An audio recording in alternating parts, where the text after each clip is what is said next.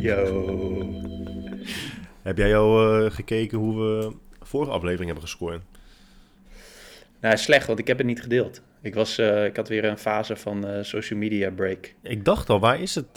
Waar, waar is hij? Toen dacht ik, nou, ik zoek het zo even op. En wat blijkt, hij was gewoon geüpload. Maar ik zie nu 307 luisteraars met alleen maar ik die het heb heeft gedeeld. Die het heb gedeeld. die, die het heeft gedeeld. gedeeld. Dat is gewoon bizar, hoor. Dus ik denk ja, dat we gewoon kunnen concluderen dat de, de, meeste, meeste luisteraars, luisteraars, dat zijn gewoon mijn fans. Ja, dat zijn bizar. Dus dan vind ik ook dat het merendeel van de donaties naar mij toe Ja, dat vind ik ook. Hoe gaat het met onze reserve rates, met onze RSR? Nou, uh, het is meer waard dan uh, Bitcoin. En we hebben het met Bitcoin gekocht. Dus het is een goede call geweest. Ja, is dat mooi? Oh, mooi man. Ik heb zelf al mijn uh, eh, RSR verkocht. Dus ik ben blij dat, dat, ik nog een klein, een klein handtasje voor heb in onze. In onze waarom heb jij het verkocht dan? Want je moet wel dan waarom heb je nog... Je hebt geen skin in de game meer met je eigen portfolio, maar wel... Ja, hoe bedoel je geen skin in de game? Ik heb echt... Ik heb al mijn skin in de game. Alleen niet met de RSR. Ik, uh, ja, ik word vaak ongeduldig, man. Omdat ik nu dus heel de dag thuis zit. Uh, het is niet nu echt al de laatste... Wanneer is de lockdown begonnen? Ik, ik ben het nu alweer vergeten. 12 maart. Uh, ik zit al thuis sinds 12 maart 2016. Uh, nee, maar sinds, sinds, de, sinds de laatste lockdown ben ik eigenlijk alleen maar bezig geweest met, uh, met traden. En dan, ja, dus kloten, want dan verlang je naar een soort actie. En als het dan te lang uitblijft, dan ga je maar gewoon handelingen verrichten. Weet je, oh, de illusie van bezig zijn. Of tenminste, de, de, illusie van efficiënt of effectief bezig zijn.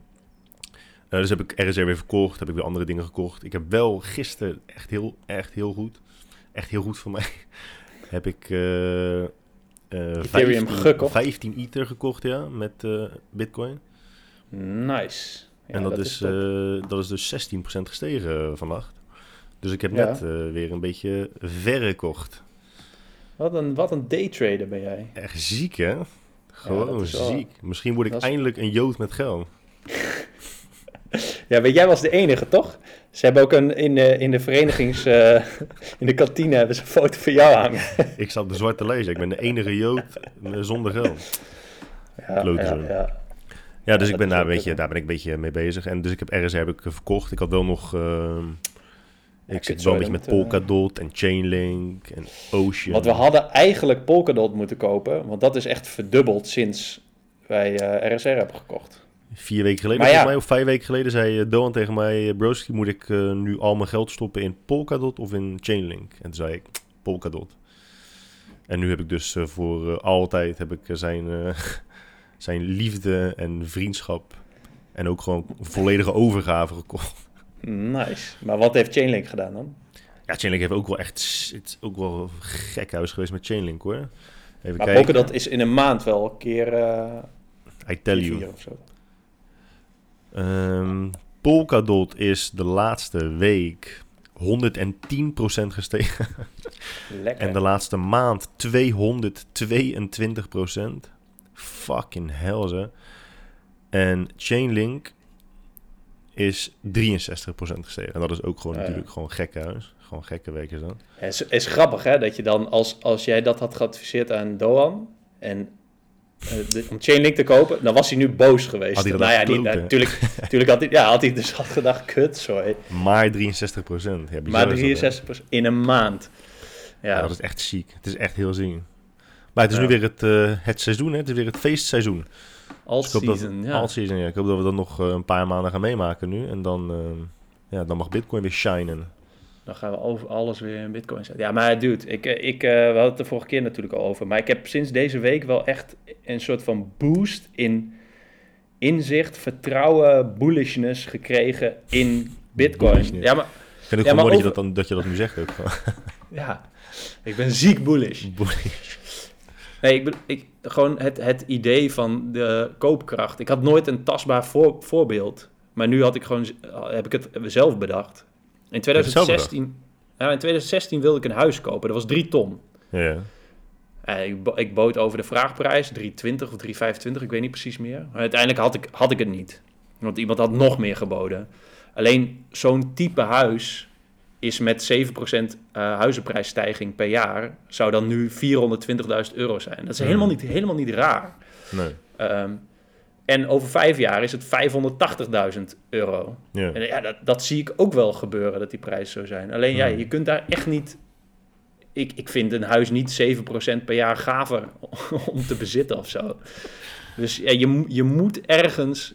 Als je dan euro's spaart, ja, je kunt niet 7% eh, eh, rente krijgen. Dus je moet het ergens in, in vastzetten. En ja, op een of andere manier heb ik pas deze week een soort van enorme overtuiging dat dat gewoon in dat je gewoon sats moet stacken. dat je dat het gewoon in Bitcoin moet. Omdat ik over vijf jaar, ja, dan ga ik dan gewoon iets. Ja, hopelijk kan dat, want je weet natuurlijk nooit zeker. Maar over vijf jaar heb ik dan gewoon eh, hopelijk een zakje geld. Kunnen we niet gewoon deze eh, podcast volledig eh, over crypto laten gaan? Gewoon 100% van de tijd over crypto praten. Ja, ik vind het prima. Maar ja, wat je, wat je zegt is wel, is wel raak. En ja, het, het is gewoon, je, je ziet gewoon hoe eh, diepgaand cultuur dan ook is. Want het hele idee van wat je met je geld moet doen en wanneer je dat in je leven moet doen, is ook voor zo'n groot deel afhankelijk van waar en wanneer je bent geboren. Eh, ook natuurlijk wel onder welke omstandigheden, maar de meeste mensen in de westerse wereld, ja, die gaan gewoon naar hun werk en die willen zo snel mogelijk hun huis afbetalen. Want dat is natuurlijk de beste investering die je kunt doen. Mhm. Eh, ja, terwijl je hebt eigenlijk alleen maar iets aan dat geld als je het uiteindelijk besluit te verkopen. Want tot die tijd, ja, het is, het is niet heel liquide. Je hebt dat geld pas in je zak als je het, als je het verkoopt. Ja. En het is, het is natuurlijk wel een leuk spaarpotje. Ehm, en het vroeger was, een, was, was, was vastgoed natuurlijk ideaal om te bezitten als je als je, je vermogen eh, generaties na jou wilde schenken. Dat is hoe heel veel eh, blanken in Amerika nu ook eh, zoveel meer vermogen hebben dan bijvoorbeeld donkere mensen. Ehm, maar ja, er zijn nu gewoon zoveel verschillende manieren om met je geld meer geld te maken. En ook gewoon meer liquide te blijven dan als je alles alleen maar in, in vastgoed zou stoppen. Alleen dit is natuurlijk wel heel eng. En dat is niet alleen met crypto. En crypto is nog veel enger dan normaal beleggen. Maar je kunt natuurlijk bijvoorbeeld gewoon eh, staatsobligaties kopen en je geld 10 jaar vastzetten of 20 jaar vastzetten. En wel een, eh, een bepaald rentepercentage gegarandeerd krijgen. is niet veel, eh, maar het is nog steeds meer dan als je het op de bank laat staan. Alleen ja, mensen die, ja, die denken, oh, als ze aan beleggen denken, denken ze aan Wall Street. En dan denken ze aan hele complexe be- eh, aan beeldschermen met hele complexe getallen erop. Maar het is helemaal niet zo moeilijk. Het is echt helemaal niet moeilijk. Je kunt via elke bank kun je gewoon beleggen. Ja. En ik ben het met je eens, ja, dat, dat crypto is nu wel ehm, voor ons de allermooiste kans om ehm, misschien nog iets van ons geld te maken. Misschien ook helemaal niet, want misschien gaat het wel allemaal naar nul. Ja, ja, die, ja, die kans wordt veel klein, steeds kleiner, toch? Ja, met, nee, die- met hoe... die- De kans dat het naar nul gaat, dat bitcoin naar nul gaat, is, is de- de- dat argument slaat op dit moment gewoon nergens meer op. Dat, dat, dat Nee, slaat ik- nergens op. Ik snap niet dat ook nog wel serieuze mensen die ik volg, dat, dat niet glashard ontkennen, zeg maar. Want heel vaak worden ze dan, wordt dan de vraag gesteld in een interview of zo, of op tv of op de radio, van ja, maar de, de financiële waakhond in land X of Y, die zegt, ja, je, je loopt de kans dat al je geld niks, of dat je helemaal niks meer hebt, zeg maar. Ja, ja, dat, Ja, dat sla- kan dat ook als-. Als Tesla failliet gaat, toch? Ja, ja, zeker. Ja, en eh, kijk maar naar eh, 2008 in eh, eh, de laatste verschrikkelijke recessie die we hebben meegemaakt. Daar zijn ook heel veel mensen eh, hun pensioengeld en zo gewoon, eh, gewoon verloren. Alleen dan gaan mensen het dus hebben over, maar wat is de kans dat dat gebeurt? Dus dan krijg je een soort kansberekening. Nou ja, en als je dat spel wilt spelen, is, is dat prima. Dan heb je gewoon het argument dat Bitcoin op dit moment eh, een van de grootste en sowieso het veiligste computernetwerk op aarde is. Ehm, en dat het alleen maar naar nul kan gaan als niemand in de wereld ooit nog iets wil betalen voor Bitcoin. Alleen Ja. onder die omstandigheden kan Bitcoin naar nul. En, en ja, dat, dat, dat slaat gewoon nergens op. Maar, maar mensen die dat zeggen, ja, die begrijpen. Ik begrijp het al, al niet, maar die mensen begrijpen geld en eh, de waardevastigheid van geld helemaal niet. Ik kwam laatst nog een, mooie, een mooi argument tegen ook. Tenminste, een mooi argument. Het, ik vond het wel sterk. Ehm, een gozer die had het over goud. En, en, en die had het over, de, eh, over hoe schaars goud is. En dat Mhm. horen we natuurlijk, hebben we, altijd, hebben we altijd meegekregen van iedereen. Van weet je, goud is schaars, daarom is het eh, waardevol. Maar hoe schaars is goud dan? dat, dat is, het is altijd een beetje een, een verhaal. Niemand weet exact hoe schaars goud is. Dat, dat is niet te berekenen. Er zijn wel indicaties van hoeveel er ongeveer is en hoeveel er ongeveer bij komt. Maar er is niemand in de wereld die exact kan kwantificeren hoe schaars goud nu precies is. Met Bitcoin is dat natuurlijk een ander verhaal. Je kunt exact vertellen hoeveel Bitcoin er is. Je kunt exact vertellen hoeveel Bitcoin er elk jaar bij komt. Uh, en je kunt exact vertellen hoeveel Bitcoin er uiteindelijk maximaal zal zijn. Ja. En dat kun je over goud simpelweg nooit, nooit vertellen. En dat, is een, dat is een argument tegen, tegen het argument dat, uh, dat goud zodanig schaars is dat het uh, het meest waardevolle, de meest waardevolle commodity is op aarde. Ja, en ik zat, ik zat een podcast te luisteren met die uh, Jack Meller, die gast van Strike. Ja. Wat trouwens echt een, een fantastisch grappig figuur is. Van Twitter is hij ook?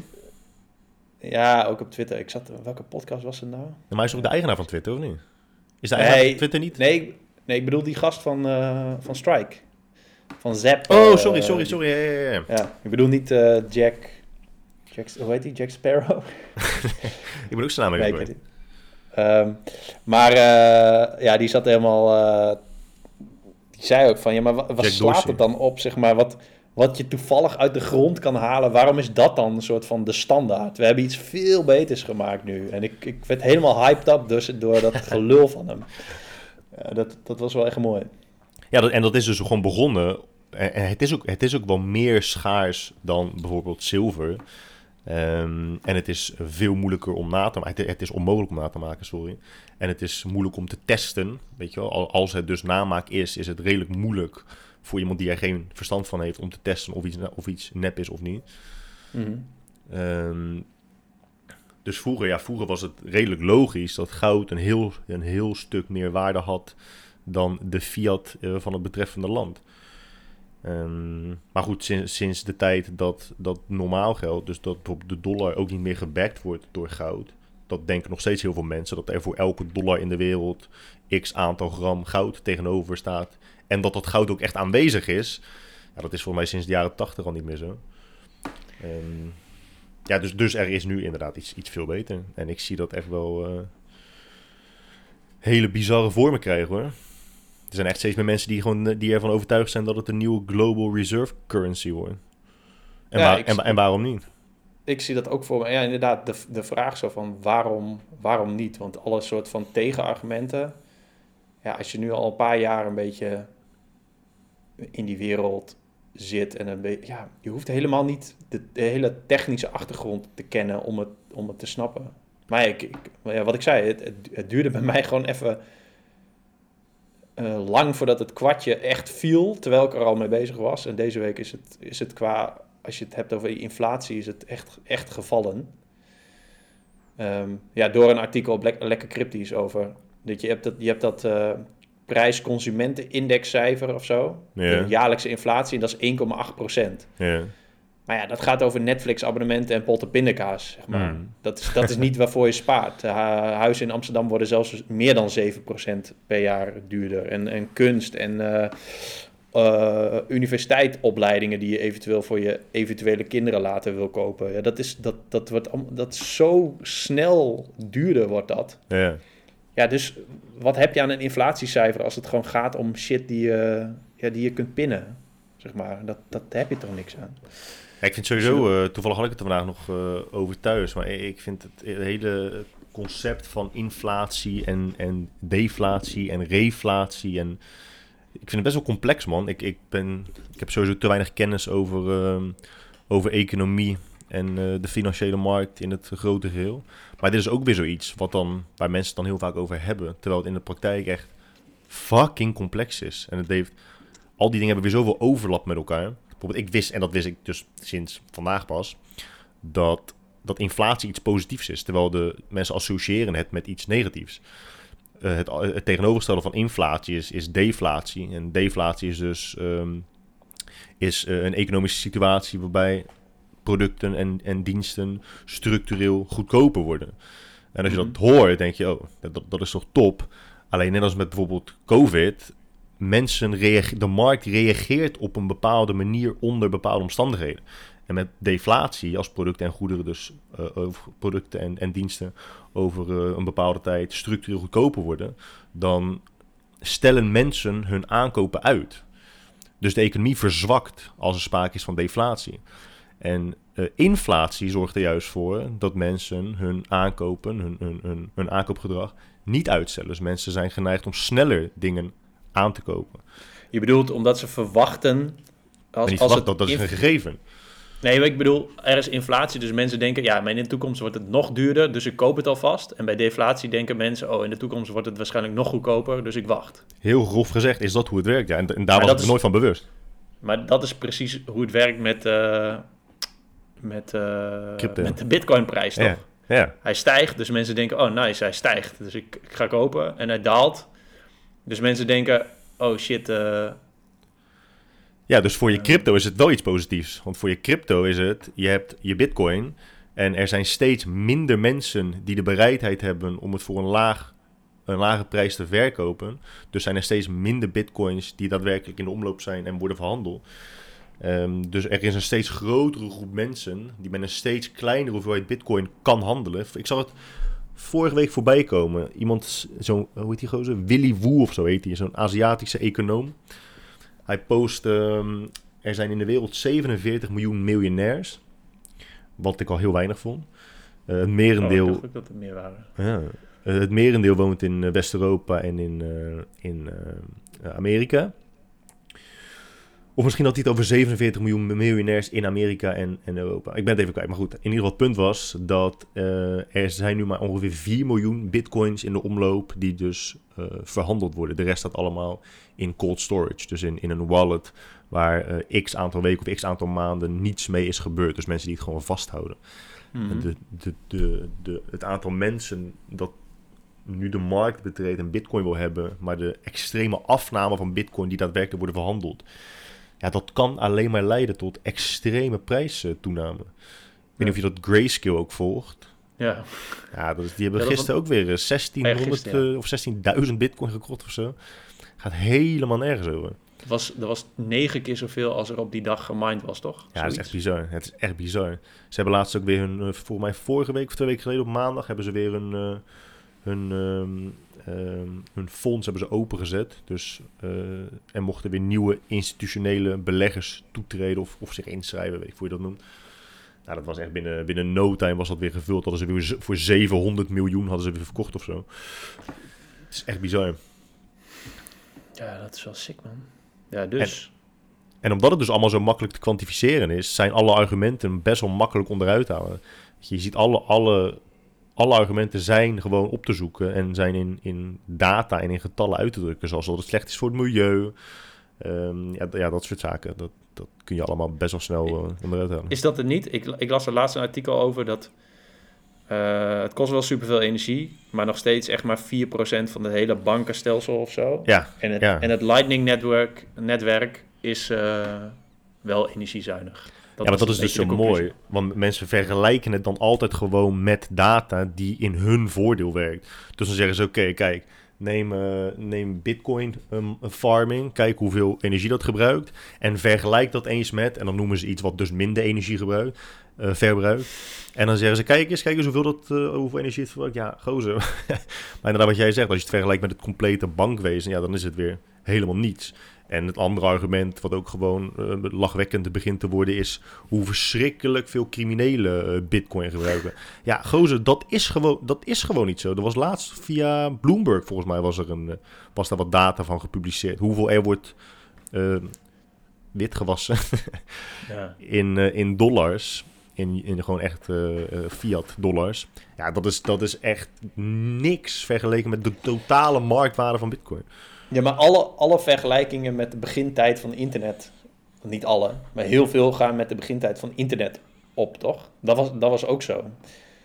Ja, er Ja. zitten super, de internet superveel criminelen. eh, eh, ja, die kunnen dan eh, anoniem met elkaar dingen uitwisselen en zo. Ja dat, dat, ja, dat kan inderdaad. En dat gaat ook bijna niet meer. hè? Want je kan bijna niet meer je bitcoin verkopen op een exchange als jij bitcoin hebt gestolen.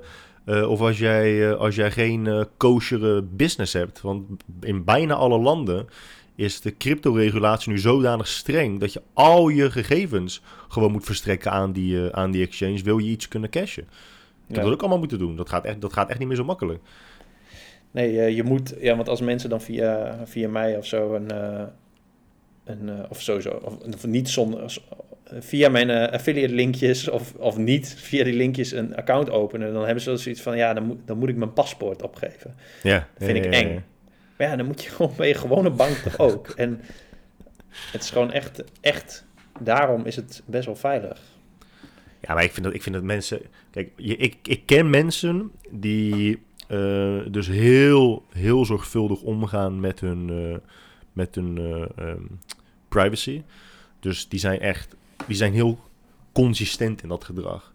Alleen de meeste hmm. mensen die, die, die geven zonder te blikken of blozen hier en daar hun, hun paspoort mee. Of uh, uh, uh, vullen hun gegevens in op het internet. En dan bij andere zaken, zoals inderdaad bij crypto, dan vinden ze het opeens helemaal eng en, en, en spannend. Maar dat is ook omdat ze onderschatten hoe groot en serieus de grootste exchanges nu zijn. En hoe overgereguleerd het dan weer bijna is in Nederland. Nederland is een van de meest gereguleerde cryptolanden in de wereld. Ja. ja, klopt. Al die, al die exchanges zijn natuurlijk veel groter dan je lokale Triodos uh, SNS-bank uh, en zo. Volgens mij, ja, als je de, de dagelijkse, volume, dagelijkse volume van de grootste crypto-exchanges bekijkt, zo, dat is echt. Dat is maar het is wel echt grappig dat je bij ieder obscure hotel in Vietnam je paspoort afgeeft. Die even ja, dat, dat bedoel je. kopie wordt gemaakt. Ja, inderdaad. Dat je in, bij... in, Namibië aankomt, ergens in een crackjes uh, hostel. En dan zegt iemand achter de balie met drie tanden en vier vingers: zegt, Mag ik even je paspoort? Die blijft vervolgens 25 minuten weg. Dat vind je geen probleem. Bijvoorbeeld Binance heeft 14,9 miljard dollar handelvolume per dag. Hoeveel? Uh, dat is wel veel. Hoeveel uh, klanten hebben zij? Zo, dat weet ik niet man. Want ING heeft bijvoorbeeld, ik denk dat ING iets van 8 miljoen klanten heeft of zo. Dat zou, dat zou ik een mooie schatting vinden van mezelf. Als het niet zo was dan. 8 miljoen, denk ik, ING. Op Binance heb je op dit moment... Even kijken hoeveel wallets er zijn. Um, ja, dat is een goede vraag. Oh, ING heeft 40 miljoen klanten wereldwijd. Er zijn sowieso elke dag meer dan 210.000 actieve uh, users op Binance. Als Binance Earn, hè, maar. Ja, ik weet het niet, man. Maar het zal vast wel ergens staan hoeveel uh, wallets hebben. Maar het zijn er wel echt heel veel, hè. Je geeft 7,9 miljoen in Nederland. Yes!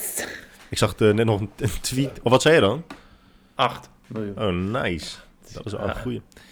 Ik zag net nog een, uh, een tweet voorbij komen van iemand die schijnbaar bij de ING werkt. Ik heb hem niet geliked en ook niet geretweet. Maar hij zei iets van... Um, ik heb altijd veel meer gevoel gehad bij Ethereum dan bij Bitcoin. Dus ik heb ook alleen maar de eerste. En op dagen als deze is het dan toch normaal dat ik, dat, dat ik dit gewoon van de daken wil schreeuwen. Dacht ik, oh mijn god, moet je denken dat je, dat, dat je, je financieel adviseur is. Dat hij het sowieso heeft over gevoel. Ik heb altijd meer gevoel gehad bij Ethereum dan bij Bitcoin. Dus daarom heb ik alleen maar Ethereum.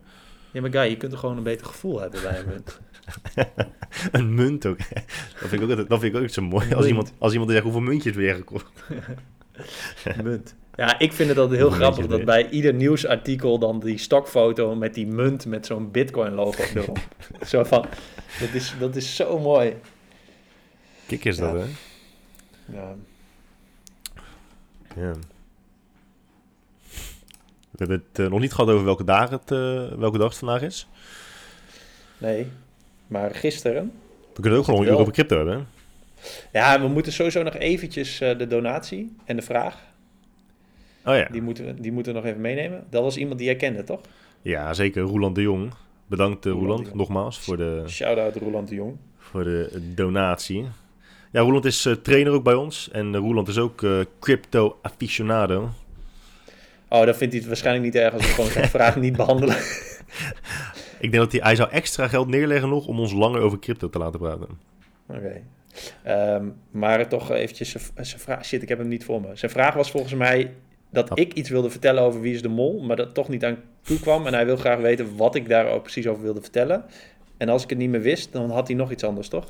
Ja, of ik zonder namen te noemen eh, iets kon vertellen over de allerkutste klant die ik ooit heb gehad. Oh, ja, ik hoorde trouwens eh, nog weer een lu- luisteraar die ik niet bij naam zou noemen, maar die sprak ik. Die zei dat, eh, dat jij personal trainer bent, maar dat eigenlijk wel kut vindt. maar goed, daar komen we zo wel op. De vraag over wie is de mol. Ja, ik weet al wat ik, weer, wat ik daarover wilde vertellen, alleen dat is, dat is heel kort. En ik weet niet of, want Guy kijkt niet wie is de mol en ik ook niet. Maar goed, wie is de Mol is een televisieprogramma met bekende Nederlanders. En er wordt dan steeds aangekondigd, dit seizoen doen deze, deze bekende Nederlanders mee. En dit seizoen waren er dus niet zoveel hele bekende Nederlanders. En daar waren heel veel mensen boos over.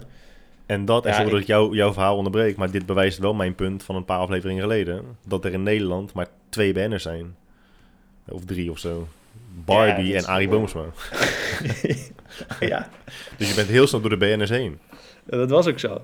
Maar ik, ik, weet, ik, ja, ik kan nog steeds niet precies duiden wat voor emotie ik heb bij het lezen van iemand die boos wordt over, over het gebrek aan BN'ers in een tv-programma waar zij graag naar kijken. Nou, ik heb het er gisteren met mijn vriendin over gehad. Dus ik ga je vertellen wat haar standpunt ongeveer eh, was. Oké, Of is. Althans, het was niet echt een standpunt. En ik citeer het ook niet letterlijk woord voor woord. Hè, want anders krijg ik dadelijk door mijn kop als ik het verkeerd heb gezegd. Maar zij zei dat het leuk is om programma's te kijken waar BN'ers in zitten. Omdat je al een, be- een bepaald beeld van die mensen hebt. Mensen hebben natuurlijk het gevoel dat ze die BN'ers kennen. Zoals, zoals mensen ook het gevoel hebben dat ze jou kennen. En jou voorzien van ongevraagd advies. eh, omdat ze je volgen op Instagram. Ja. En dan is het leuk om mensen in andere settings op een andere manier te zien gedragen. Anders dan je van ze gewend bent. En de gewoon de alledaagse burger, ja, die ken je niet en die doet je ook helemaal niets. Ehm, dus ik, kan me, ik, kan me, ik kan me dus A, voorstellen dat het leuker is om naar een programma te kijken waar mensen aan meedoen die je denkt te kennen. In plaats van allemaal onbekende mensen. Maar B, ik kan me inderdaad niet voorstellen dat je boos wordt en, dat, en die boosheid uit op Twitter. Als je erachter komt dat dat niet het geval is. Want je kunt in principe ook gewoon besluiten om een seizoen niet te kijken. Ja, ik ben dan benieuwd of mensen dan wel kijken, maar dan de hele tijd zagrijnig. Godverdomme, ik ken deze personen nog steeds niet, ja, aflevering 2. Of dat ze wel kijken en een soort bijdraaien en daarna gaan tweeten van... jongens, ik had het, ik had het mis. Het, het is toch eigenlijk best wel een leuk, leuke insteek. En want dingen begon dus ook met, dadelijk het gisteren ook met, eh, met mijn vriendin over dat bij Expeditie Robinson, ook in Amerika. Hoe, hoe heet de Expeditie Robinson ook weer toen het startte in eh, Survivor. Amerika? Survivor, ja? Ja. Je zegt het zo overtuigend dat ik ook gewoon niet twijfel aan het antwoord. Ja, ik vond het Eh, fantastisch vroeger. Ja, maar dat, dat begon toch met gewoon onbekende mensen? Ja, En maar dan uiteindelijk zijn het was dat ook zo. Oh, is dat Dus zo? uiteindelijk, ja, want iemand zei, nou dan kun je net zo goed onbekende Nederlanders meedoen, mee laten doen. Ja, dan maakt het er niet uit, zeg Nee, maar. maar het- nou ja, dat, dat trekt dus toch minder kijkers. Als jij ziet... Ja, dat- op- toch? Ja, snap ik. Ja. Ja. Ik zou denk wel kijken als Arie Boomsma en Barbie mee- meededen. Alleen die twee. Dan na één aflevering is het over. Ja, Arie was de mol. Ja, ik, ik snap het ook wel. Weet je, ja, volgende week bij Wie is de Mol? Arie Boomsma, eh, eh, Barbie, wie heb je nog meer? Jody. Bernal. Jody Bernal en, Jo- en John de Wolf. En meer BN'ers heb je niet. Dan dat je krijgt, ja, volgende week bij eh, Wie is de Mol? Wim, Klaas, Pieter en Johanna. Ja, dan denk je ook, ja, Ja, maar- daar ga ik niet naar kijken. Ja, maar- Opdonderen, Wim. Ja, Johanna Wim- ook. Die mocht Oh, ik als Wim- niet. Wim Kieft zou wel kunnen. Ja, oké. Maar ehm, wa- waarom zijn er dan wel programma's zoals die, die, eh, die, die ehm, hoe heet dat ook alweer? Temptation Island-achtige shit. Met, dat zijn toch geen BN'ers? Of zijn dat wel BN'ers? Ja, shit Nee, man, nu zijn we echt twee dudes die niet tv kijken, die, die vertellen over tv. Temptation Island eh, zijn geen BN'ers, maar Temptation Island, dan word je wel BN'er na één aflevering. Dat is echt zo'n programma dat je dus maar één keer hoeft mee te doen en dan ben je voor de rest van je leven BN'er. Ja, dat is wel nice, ja. Net als met OOG zo. op, op braderieën kun je dan langskomen om... eh, Dan mag, mogen mensen voor 25 euro je hand schudden. handtekeningen. Ja. Ja, dat is Ja, nee, maar en, en, en, dat, en dat zijn wel eh gekaste typetjes, toch? Dat zijn wel echt van die types waar je denkt... Ja, dat, dat klopt, ja. Ja. Maar heb jij dat? Als jij bijvoorbeeld, eh, als jij dat soort programma's kijkt... eh, ik begrijp het concept leedvermaak, maar ik ervaar dat niet op die manier. Ik, ik vind het niet vermakelijk om andere mensen dom te zien zijn. Nee, dat vind ik ook niet. Ik vind het... ja, tenen krommend weet ik niet. Maar ja, het is, het is gewoon niet leuk. Het is gewoon saai eigenlijk. Toch? Ja, dat heb ik ook wel. Dat heb ik, dat, ja, dat, dat heb ik ook. Toevallig zat ik het laatste even mee te kijken. eh, een paar minuten. Maar ja, ik... Ja, Wat zat je mee te kijken? Ehm, ja, zo'n programma met... eh, het wordt in ieder geval gepresenteerd door Monica Geuze en, Oh. eh en Kajs Typetjes. Ik weet niet welke dat was. Alleen ja, ik, ik ben een soeverein persoon. Dus dan na vier minuten dan, eh, wil ik niet meer kijken. Dan ga ik liever een 40 jaar oud boek lezen. En ga je, dan, ga je dan klagen over wat op tv aanstaat? Of ga je Oh, dan nee, gewoon nee, iets anders doen? absoluut, Absoluut niet. Nee, En vindt, eh vindt die vriendin het dan vervelend als jij niet meekijkt? nee, nee. Wil ze ook niet Ook graag dat jij dat ook leuk vindt? Nee, ik denk dat ze liever heeft dat ik dat niet leuk vind. Want Hoezo? dan, eh, nou, misschien dat ik het, als ik het leuk zou vinden, zou ze het leuk vinden. Ja, toch? Dan heb je, heb nog meer raakvlakken. Ja, precies. Ja, dat is waar. Ja. Maar waarom Ja, is dat dan? Waarom, waarom, waarom kan eh, jouw vriendin en- en mijn vriendin ook dan gewoon naar zo'n programma kijken en dan het echt vermakelijk vinden dat die mensen zo zijn eh, en andere mensen dat weer helemaal niet eh, op die manier ervaren? Ja, ik ben er ook wel benieuwd naar. Ik zie ook heel vaak eh, mensen die, die ik bijvoorbeeld op Twitter volg en zijn mij, waarvan ik denk, oh, we hebben best wel veel dezelfde interesses of dezelfde karaktereigenschappen, zeg maar, vinden dezelfde dingen vet. Maar die vinden dat dit dus ook heel erg vet. En die noemen dat dan guilty, guilty pleasure. Ja, ja, ja, ja. Want je Misschien is het wel belangrijk bij- om, te- misschien wel belangrijk Ja, om daar te moet je wel bij benadrukken. Eh, misschien wel belangrijk om te benadrukken dat je, je, kijkt niet dat soort programma's niet omdat je je beter voelt dan die mensen. Nee, nee, precies. Nee, je moet wel bij zeggen dat het guilty pleasure is, omdat je dan daarmee ook weer een soort van virtue, virtue signaling kan doen. Ja. Reverse psychology. Ja. Nee, ja, dus eh, ja, ik ben er, ja, eh, ben er benieuwd naar. Maar wat, wat daar dan echt achter zit. Waarom mensen dat vet vinden. Ja, want ik, ik, ik, ik, ik snap niet zo heel goed het verschil tussen bewust tijd steken in iets op tv dat gaat over mensen waar je in persoon ook geen tijd aan zou besteden. Want het gaat letterlijk om die mensen, toch? Het gaat niet om andere zaken dan de mensen op dat, bij dat programma. Nee, ik denk niet dat je iets, dat je iets opsteekt van die, eh, van die sociale interacties of zo. Dat het een leerproces is. Nee, maar stel je voor, je, maar, maar stel je, voor eh, je, je, je verwerpt even het hele het educatieve. Dat, daar is sowieso geen sprake van. Maar gewoon puur voor het vermaak. Ja. Als, ik, ik, heb, het, heb het idee dat als je zo, zo'n programma kan kijken van begin tot eind, elke week of elke dag, ik weet niet eens hoe vaak het op tv is.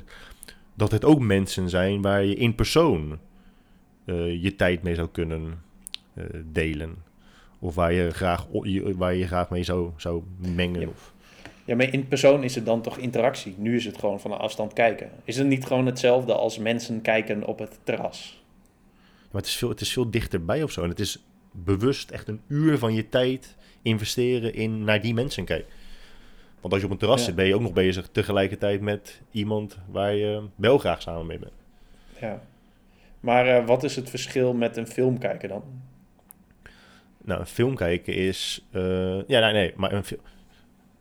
Ik, ik zou bijvoorbeeld geen film kijken waarvan ik weet dat er mensen in spelen of waar, of, of, of, eh, waar een verhaal in wordt verteld waar ik helemaal niets mee heb en dan toch bewust twee uur van mijn tijd erin steek. En dat heb ik dus ook met zulke programma's. Als het mensen zijn of als het programma gaat over mensen waar ik, waarvan ik weet dat ik er in persoon ook niets mee zou hebben, vind ik het ook niet leuk om naar die mensen op tv te kijken. Ja, oké. Ja. Dat is dus een, het is, als, je, als je hetzelfde programma neemt, gewoon een, hetzelfde soort programma, een, een reality programma, maar dan met mensen waarvan je denkt, nou, dit soort mensen vind ik wel tof. En die hebben het over dingen die ook wel tof zijn. En die maken grappen die verder gaan dan scheetgeluiden en, eh, nou ja, andere soort grappen. Dan, eh, dan zou ik er best wel naar kunnen kijken. Alleen, dat soort mensen worden over het algemeen saai gevonden en doen niet mee dat soort programma's. Het zou wel echt mooi zijn als een, als een Temptation Island iemand drie, een, een bro drie kwartier over een bitcoin. Dat, zou jij kijken. Dat, zoiets zouden ze moeten doen, ja. Gewoon een, Nee, nee, een maar wat jij niet begrijpt is dat je koopkracht... Dat zou Ja. wel mooi zijn. Dat zouden ze moeten doen. Ze zouden moet een, een Temptation Island variant moeten maken. Met, met gasten die het inderdaad alleen maar over crypto hebben. En dan wel gewoon met zes van die, van die halve pornosterren. hey, dat heb je trouwens nog een keer gehad. Je had toch, iets- je had toch zo'n eh, een programma met, met nerds en dan geile wijven Ah, erin. ja, ja. Hoe heet dat ook weer? ja, nerds en geile wijven, denk ik dan. Oh, ik krijg ingefluisterd dat het Beauty en the Nerd heette. Oh ja. En dat kan ik dus, dat heb ik volgens mij wel een keer gezien. Want dan, dan kan een, een, en dat zeg ik met aanhalingstekens, eh, dan kan een verliezer naar een winnaar groeien. Dat is een soort traject die je kunt eh, observeren. En dat is wel Oh. tof. Want Ja. ik- je hebt ook van die Amerikaanse college films, dat dan de nerd eh, uiteindelijk eindigt met de, met, met de lekkere chick in de film. Dat vind ik wel Ja. mooi. ja, precies. Dus dan heb je nog een beetje die hero story. Dan heb je de hero Ah, story. Ja. Ja. Transformatie. Ja, dat is het Ik natuurlijk. ik- Het mist, Temptation Island mist een transformatie. het is gewoon bevestiging na bevestiging na bevestiging van hetzelfde.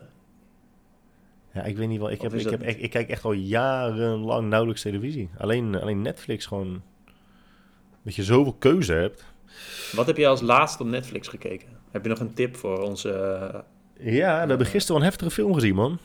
Eh heet eh, Pieces of a Woman. Pieces of a Woman? Ja.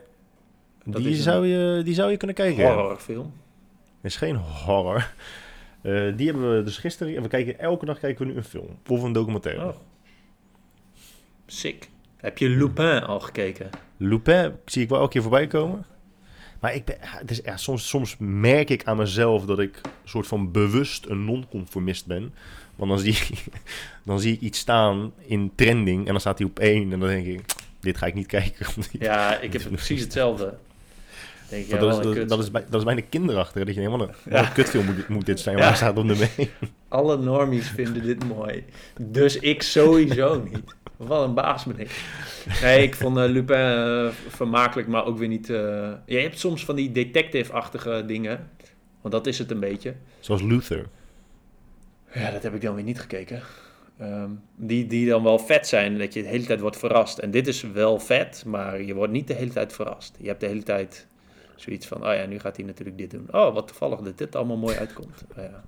Zij en dan vind je jezelf weer een baas, toch? Ja, precies. Nou ja, ben, je, ben, jij ook iemand, ben je ook iemand die... Want ik, ik betrap mezelf er ook wel eens op. En dat is ook echt heel irritant. Ik ben ook heel blij dat ik de enige ben in het huishouden die dat doet.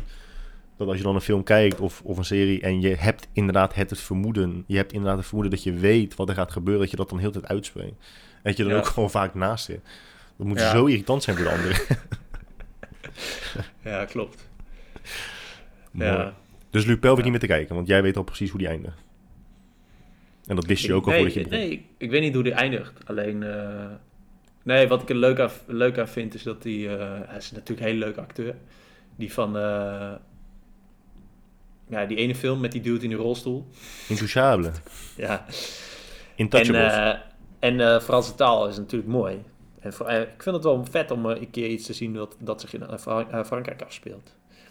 Wij hebben ook een Franse film gezien, eerder deze week. Eh Deviant of zo. Devine, zoiets.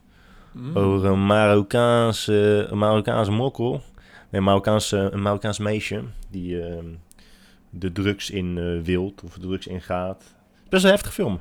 Dat is ook wel, eh, eindigt ook wel eh, dat je denkt, zo, Zo. zo. Dat, dat zag ik niet aankomen. Dat zag je niet aankomen. Als je die film kijkt, dan denk je, oké, dat zag ik niet aankomen. Oké, maar nu heb je dit al gezegd. Dus dan ga ik alle mogelijke opties ga ik belangs. Nee, nog steeds ga je dan niet aanzien komen. Maar ik, ik ben dus niet iemand die vindt dat de Franse taal zo mooi is. Waarom niet?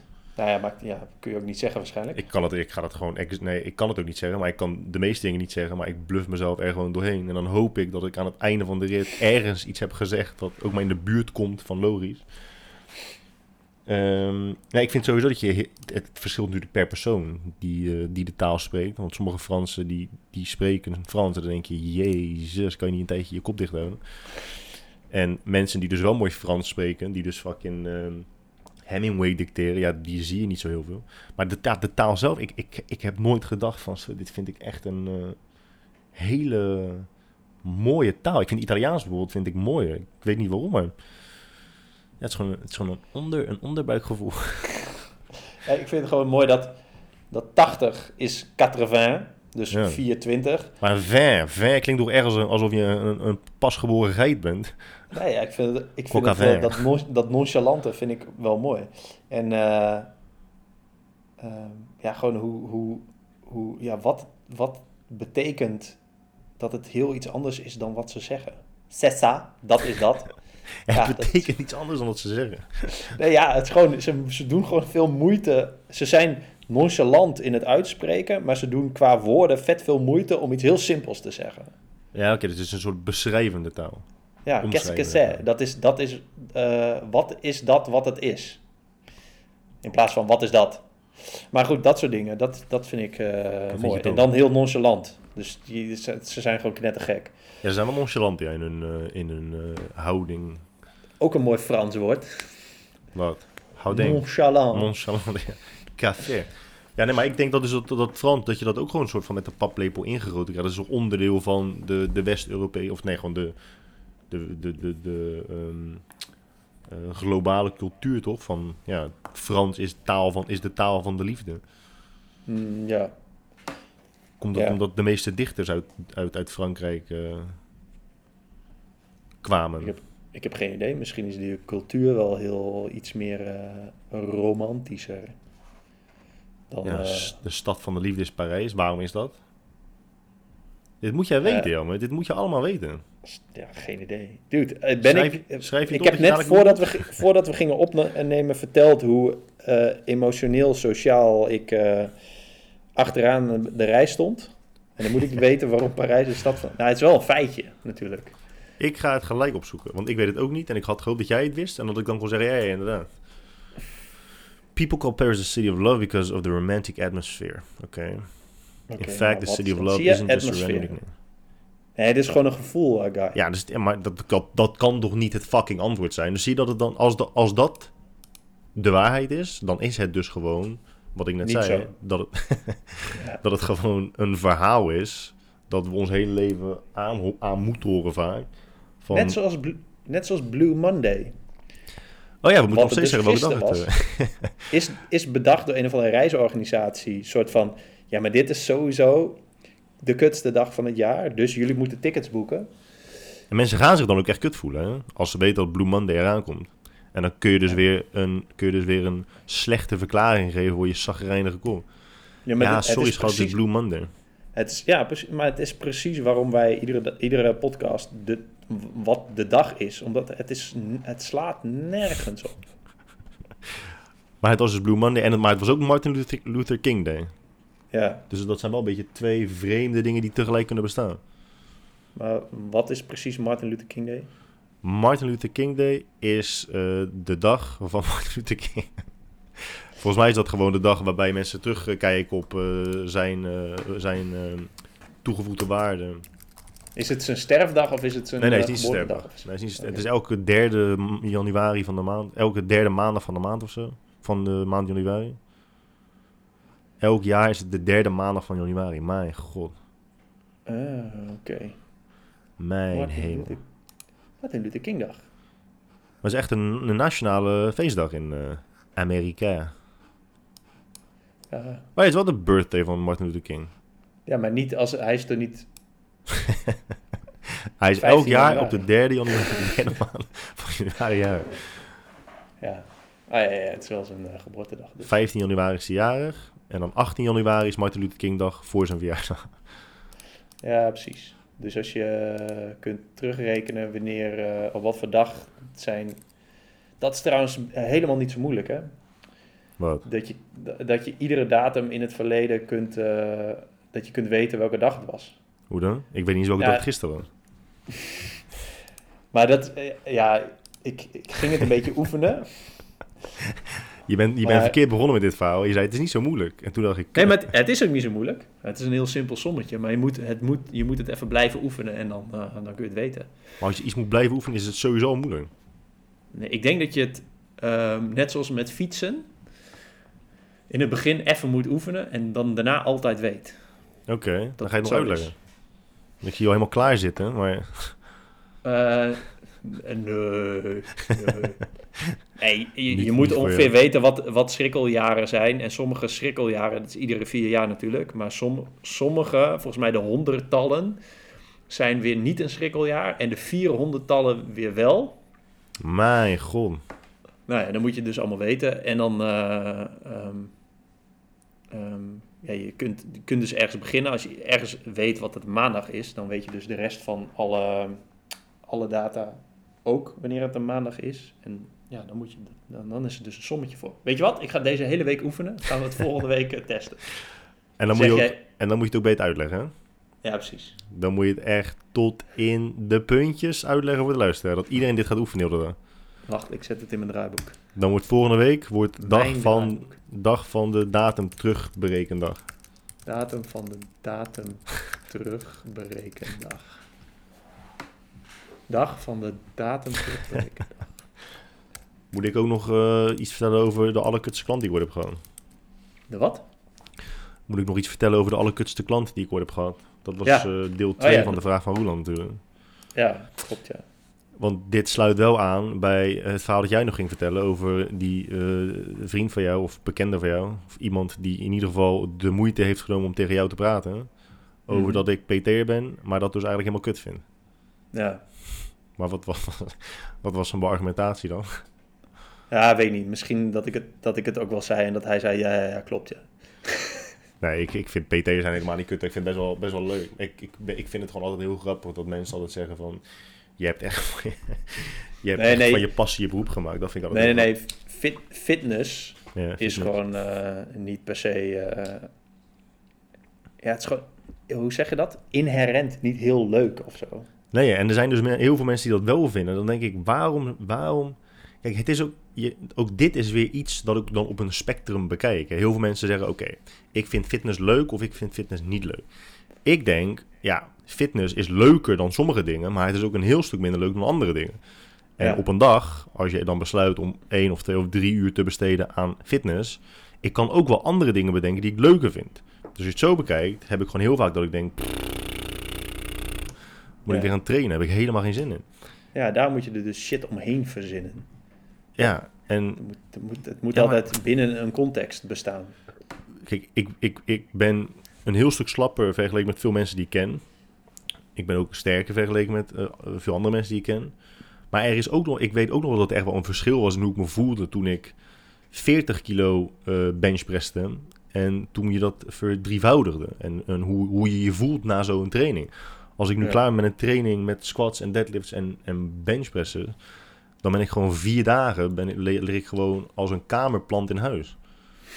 Dus het- en dan zeggen mensen, ja, dan train je toch op een andere manier. Maar dat is ook weer zo, meh. Want dan voel je dat je gewoon niet naar je kunnen traint. En dan denk ja, dan kan Ja. ik beter gaan yoga. Dus nu, nu doe ik dat. Ja. Vraag eens of ik yoga doe. Wat? Ik, moet ik vragen of je yoga doet? Ja, want anders moet ik uit mezelf gaan vertellen dat ik, dat ik nu yoga doe, man. Ja joh, doe je yoga? ja, ik doe yoga. Tenminste, Oh. we hebben nu drie keer geyogaad. Of drie- Ja. vier keer, ik weet niet, drie of vier. Tussen drie en vier keer. Maar het is echt zwaar, man. Ik heb spierpijn. Maar eh, hoe, hoe doe je dat dan precies? Komt dan eh, op een groot scherm... eh, Ja, dan ga ik gewoon naar YouTube en dan typ ik gewoon in one hour yoga class. ja. En dan kan je kiezen uit allemaal wijven die in bepaalde posities kiezen voor een thumbnail. dat is mooi hè? En dan kies Welke je kies je? gewoon, nee, dan kies je gewoon de, degene waarvan je denkt, nou, jij ziet er het meest professioneel uit. En jouw titel spreekt me het meest aan. Dat is toch de downward facing, facing Downward dog. facing down. Ja, dat is ook zo irritant. Dat is ook, gefotografeerd. dan, doen ze, dan doen ze met yoga, dan zeggen ze, ja, dit is een beginners class. Iedereen kan, kan hier aan meedoen. En dan gebruiken ze ook in de fucking termen van al die poses. Dan denk ik, gozer, ik weet echt niet waar je het over hebt. En dan zeggen ze, ja, laat je, laat je hoofd naar beneden hangen. Maar ik moet als een malle appie naar het scherm kijken, omdat ik anders niet weet wat ik moet doen. Dit is exact mijn ervaring bij yoga dingen altijd. Ja. Ik, had ja, ik kan wel deze beweging doen, maar ik moet ook naar jou kijken, omdat ik moet weten of ik het goed doe. Maar ik, ik kan ik, ik- gewoon hele simpele bewegingen. Dat is, ik, dat is, ik heb het gevoel dat ik uit elkaar scheur. Misschien ook omdat ik mezelf in die positie forceer. En mezelf uit elkaar probeer te scheuren. Ik weet ook nog niet precies wat het doel is van, van yoga.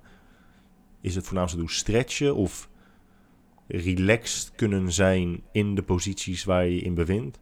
Of een combinatie Oh. van? Ik dacht dat het, eh, dat het was dat je met je vriendinnen kon lullen over yoga. Het is, dat, is, dat heeft ook mee te maken. Het is een combinatie van lullen over yoga met vriendinnen terwijl je eh acai bowls eet. ja, want als je yoga, dan moet je daarna moet je dan je kleding, kleding verandert, je, je dieet. Je wordt vegetariër. Ik ben ook vegetariër geworden. Ja, de reizen die je maakt. Je gaat alleen nog maar naar India en daar eh, aan de diarree. Eh, maar goed, eh, ja, ik, ik heb, de- omdat ik dus even terugkom op het eh, personal training gebeuren. De ik ben dus al blij om te kunnen zeggen dat ik niet echt, niet echte kutklanten heb, heb of heb gehad. Eh, het merendeel is altijd wel heel tof geweest. Maar ik heb één keer iets gehad waarvan ik dacht, oeh, dat, dat, dat vind ik gewoon raar. Ik weet gewoon niet eens zo goed wat ik tegen je moet zeggen. Misschien ken je dit verhaal Misschien heb ik er ook al acht keer over gepodcast. Maar dan heb ik in ieder geval Roelands vraag beantwoord. En Roeland heeft gedoneerd. Ja, En precies. donateurs die verdienen bij ons altijd extra veel aandacht. Maar ehm, ik zal het kort houden. Ik had dus een klant en die eh, zat al tijdens mijn eh, vorige PT-sessie zat ze op mij te wachten. Ik zeg nu ze, maar het kan zomaar een hij zijn. Maar ik, weet je, ik, ik, ik laat je gewoon, eh, ik laat je gewoon in, in onzekerheid. Het Het kunnen ook iemand- twee personen zijn. ja, het kan ook iemand zijn die zich niet identificeert met een man of een vrouw. Maar ik, voor, het, voor het gemak zeg ik gewoon, eh, zeg ik zij. En eh, ik zag haar zitten en ik keek aan. Ik dacht, oeh, volgens mij, ehm, voor mij gaat het bij jou niet helemaal, helemaal goed. Dus eh, mijn eh PT-sessie was klaar. Ik ging zitten, ik keek aan. Ik zei, nou, hè, ik ben die en die. Eh, hoe kan ik je helpen? Nou, toen begon ze echt keihard te huilen. Dat was echt de eerste minuut van ons contact. Eh, in principe eh, niets mis mee. Ik bedoel, dat, dat kan, dat je emotioneel bent. Maar ze had eh, eigenlijk elke graadmeter waarmee je de kwaliteit van je leven meet, was gewoon bij helemaal kut. Relatie uit elkaar, depressief, niet blij met zichzelf, op mentaal en fysiek vlak, et cetera. Over de maanden heen viel ze echt heel veel af, terwijl ze echt hele onrealistische doelen had. Toch echt van ons best gedaan om er, om alles uit te halen. Viel echt heel veel af, kreeg weer een baan. En ik, ik zeg nu niet dat dat allemaal kwam door met mij trainen. Maar het was wel een, een, een coachingstraject. Waarbij we niet alleen maar keken naar hoe je beter beweegt en hoe je lekker, hoe je lekker in je vel zit. Eh, dus het ging gewoon na dat hele traject zoveel beter met haar eh, op, op, op, op elk gebied. En toen begon ik net met eh klantenrecensies aanvragen. ja, gozer, dit is echt een beetje hetzelfde als, als mensen die dan bij thuis bezorgd bestellen, weet je wel. Die dan zeggen, ja, het was echt fucking lekker eten. Bezorgen was er binnen acht minuten, terwijl ze drie steden verderop wonen. Maar ja, ze waren servetjes vergeten, dus één ster. Dit, was, dit, was het, dit was hetzelfde. dus ik zeg tegen haar, joh, weet je, we hebben echt eh, iets eh, moois neergezet. Ehm, zou je misschien de tijd kunnen nemen om voor mij een recensie te schrijven op deze website? Zij zei, ja, dat wil ik wel doen, maar ik weet niet zeker of het, eh, of het een positieve recensie wordt. Dus ik dacht, ja, dit is wel, dit is wel gek hoor. Ik dacht, dit is wel heel gek dat je dit zegt. Ik zo, nou mag ik dan vragen waarom niet? En het argument was, ja, ik vond, of ik vind, dat je mij eh, te weinig eh, WhatsApp-bericht hebt gestuurd om te vragen hoe het met me gaat. Ja, dat was, dat, was, dat was een van de meest ondankbare momenten die ik ooit heb mee mogen maken in dit, eh, in dit vak. Het was, het was gewoon, het was zo raar, want het ging zo goed. En ze hadden er nooit iets van gezegd. Weet je, je kunt tijdens het traject kun je ook zeggen, joh, weet je, ik heb best behoefte aan af en toe wat contactmomenten via de app of zo. Iets, iets van feedback. Maar dit was gewoon de rit helemaal uitzitten. En dan op het laatste moment zeggen, ja, weet je, ik ben afgevallen, ik heb een baan, ik voel me, ik zit weer lekker in mijn vel, ik ben een heel stuk gelukkiger, ik heb een relatie, alles gaat goed. Maar ja, je hebt me wel te weinig WhatsApp bericht gestuurd om te vragen hoe het met me gaat. Uh, maar- Maar hoe reageerde jij erop dan? Zo van, jou, oké, is goed, mazzel? ik Of- weet het niet eens meer, man. Voor mij kreeg ik een blackout. nee, ik, ik, weet het, ik, weet, ik weet het niet meer. Voor mij zei ik, oké, ja. Voor mij heb ik haar een beetje het verschil uitgelegd tussen eh, personal training en, en coaching. Ehm, maar goed, eh, omdat mensen nu natuurlijk staan te springen om te horen en we graag willen horen of ze uiteindelijk een recensie heeft geschreven, heeft ze niet gedaan. Ze heeft dat uiteindelijk eh, helemaal niet meer gedaan. En geen recensie is beter dan een 1 sterren recensie. Ja. Dus ja, dat, dat was eigenlijk. ehm, Maar weet je hoe het nu met gaat? Na het traject. eh, nee, want ik heb er verder geen eh, berichten meer gestuurd om te vragen. hoe het met haar gaat. Dus ik heb ook niet mijn best gedaan om van die 1 ster uh, 5 sterren te maken. Niemand geeft ook drie sterren. Waarom zou je ooit drie sterren? Ja, drie sterren geef je als je niet gemeen wilt zijn. Als je niet eerlijk wilt zijn, dan zeg je, nou, ik doe maar drie sterren. Ik kijk altijd naar drie sterren. Ik kijk niet zo vaak naar recensies, maar als ik er naar kijk, kijk ik naar drie sterren recensie. Op Goodreads of zo. Dat vind ik Ja, altijd de altijd- mooiste. Oh, ik kijk, ja, grappig dat je dat zegt, man. Ik kijk dan altijd, want ik ben, ik ben dus wel gewoon een mogol. En dan, ik kijk dan naar de één sterren recensies. En als ik er dan te veel zie staan, denk ik, ik ga deze film niet kijken. Ja, nee, ik, ik eh, doe altijd eh, drie sterren. Dat vind ik mooi. Omdat, ja, dat zijn bijna altijd mensen die zeggen, nou, dit was er goed aan, dit was er eh, slecht aan, kijk maar even. Of, ja, ik was super enthousiast, maar puntje, puntje, puntje. maar waren ze netjes vergeten. Ja, precies. Of, of ik verwachtte er niks van, maar toch heb ik er iets in gevonden. Ah, top, ook mooi. Oké, ik ga dat advies opvolgen. Ik ga ook eens vaker kijken naar dan de, de neutrale stemmen. Ik weet wel dat, de mensen dat ook vaak doen met persoonlijkheidstesten. Dan vul je vaak in. Weet je, als je moet invullen, ik ben het er heel erg mee eens, ik ben het er een beetje mee eens, ik ben het er niet mee eens, ik ben het helemaal niet mee eens. Of ik Ja. weet het niet, of ik ben het er wel en niet mee eens. Dat mensen Ja. dan ook vaak kiezen voor eh, eh, het middelste antwoord. Ja, die mensen zijn knettergek. Want wat komt er dan uit als je dat alleen maar invult? Dat je schizofreen bent. ja. Je bent Weet je welke je goed moet kijken? Wat? Weet je welke film je moet kijken? Nou, Take Shelter. Take Shelter. Ja. Ik zal hem even noteren op uh, hij? Je hebt zoveel moeten noteren deze aflevering. Ik heb alleen genoteerd Nerds en Geile Wijven als eventuele titel en, en Take Shelter. Uh, en eh, E- dat je Evian of zoiets. Evian film. Evian. Over, over drugs. Nee, eh weer? Diviné of zo. Diviné. Di di divine, Divinus. Ja, voor mij is- speel je zo. Divines. Ah, Divine. Diviné. Oké. Maar Take doen? Shelter? Take Shelter? Ja, dat is, die, is, die is wel kick hoor. Die is wel kick. Ik vind, ja, het is inderdaad divine of diviné. En iemand die Frans spreekt en, en mij nu hoort praten, denk ik echt, wat een fucking Neandertaler. Maar ik zou eerst, eh, ik zou eerst kijken naar, ondanks dat het in het, Ne- in het Engels is, zou ik eerst kijken naar ehm, Pieces of a Woman. Oh ja. heb je niet genoteerd, hè? Heb je een notitieblokje naast je liggen? En je moet eh, Jenny ook vragen om mee te kijken. Met Jen. nee, nee, maar ik, ik, eh, als ik het dan zie op die trendinglijst, dan zou ik hem wel aanklikken. Ik denk, oh ja, dat had Guy tegen me gezegd. Maar oké, nu moet ik het dus gaan noteren. Dan is het, oh, oké. Moeten wij niet gewoon een keer gezamenlijke therapiesessies doen? Met? met een arts. Maar ik vind het grappig dat jij dat dan ook hebt. Dat je dan iets in trending ziet staan en dat je dan denkt, ja, nu ga ik dit dus echt gewoon nooit kijken. Dat is hetzelfde Ja. met parfum. Als je, als je, als je, als je bij, met parfum iets in de top 10 kiest, dan... Het is gewoon zo raar dat mensen dan... Je ruikt dus gewoon naar 90% van de bevolking. Ja. Ja, dat is wel een goed punt. Ja, ik heb het met boeken net zo, zeg maar. Die, die top zoveel. Ik denk altijd, ja, maar dit leest iedereen al. Dus dan is een soort van... Ja, dus, maar dan is de wedervraag is, oké, maar Jelmer, kan het zijn dat zoveel mensen het lezen? Omdat het gewoon heel erg goed is. Ja, maar daar heb ik een theorie over. Nou, vertel dan. Wat de meeste mensen doen, is sowieso niet goed. Eh, nee, maar Maar we, hebben nu niet over de meeste mensen natuurlijk. Maar we hebben nu, het, gaat nu, het is nu iets specifieker. Het gaat nu om de meeste mensen die boeken lezen waar jij ook interesse in hebt. En daarin bestaat een top 10 van boeken. Ja, ik, ik denk heel vaak dat zodra iets populair wordt, dat het, dat het dan niet meer eh, waarde heeft. Maar dan zou Shakespeare ook geen waarde hebben en Nietzsche. Ja, het, eh, eh, weet ik niet, omdat dat is, dat is toch niet op dit moment het populairste. Ja, maar ooit is dat wel zo. Ik denk als je, als je de top 10 best verkochte boeken aller tijden neemt en even de Bijbel daaruit haalt. Ja, maar ze hebben ook veel meer tijd gehad om, om te kunnen verkopen. Dat is wel zo. Ja, maar, ja, maar het- ja, ik weet niet. Het zal toch nooit op, eh, op, eh, ja, op, op, in een bestsellerlijst staan, een werk van Shakespeare. Ik dacht denk- ook bij, dit, bij dat Lupin. Ik dacht, Ja. oh, die, eh, want het is gebaseerd op een, op een boek, oud-Frans boek, Lupin. Een soort, soort Franse Shakespeare, Ja. denk ik.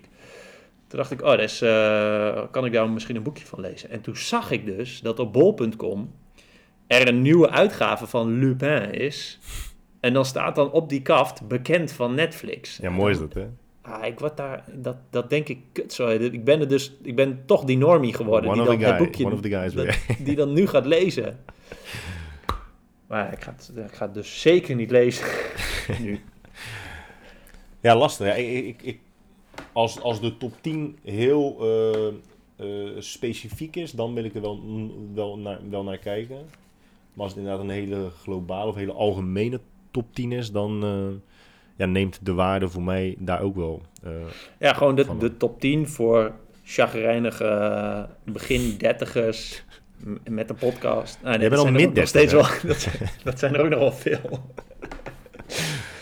Ik las laatst ook Eh. iemand op Twitter, een van de eh, crypto-chick, die post iets van eh, mannen, eh, 35 plus of zo, tegenwoordig met een midlife crisis. Die, gaan, die openen tegenwoordig nog liever een eh, anoniem crypto-account met een dier als, eh, als avatar, dan dat ze gewoon naar een psycholoog gaan. En dan ga je kijken naar die crypto-accounts en al hun volgers. En dat zijn echt alleen maar anonieme accounts met fucking cartoons als avatar. Met een dier? Oh, dat is wel interessant. Ja, het is bizar. Even kijken bij Plan B, dat is de enige die ik volg. Oh nee, shit, ik heb eh, Twitter geblokkeerd. Nou, het zal wel, ik geloof je. Plan B is ook nog steeds eh anoniem, hè? Ja? Anonymous. Ja, hij doet nu wel iets meer interviews, maar hij is nooit in eh, beeld. Want hij, is, hij werkt bij een Nederlandse bank. En ik denk dat hij ook een beetje een hoge pief is bij die bank. Oh. Dus hij kiest... Ja, en, en, en dat is dus iemand die dus wel consistent is in ehm, zijn privacy. Ehm, hij is gewoon altijd anoniem. En hij zal ook wel eens iemand zijn die denkt... Ja, als mensen weten dat ik, eh, wie ik ben en weten dat ik veel bitcoin heb... dan komen straks weer eh, allerlei tantes en ooms die ik al 13 jaar niet heb gesproken... eh, bij me aankloppen. En inbrekers. En inbrekers, ja. Die, die jatten dan zijn, tre zijn trezor die in zijn rommella ligt. Met duizend bitcoin erop. Ja, ziek, hè?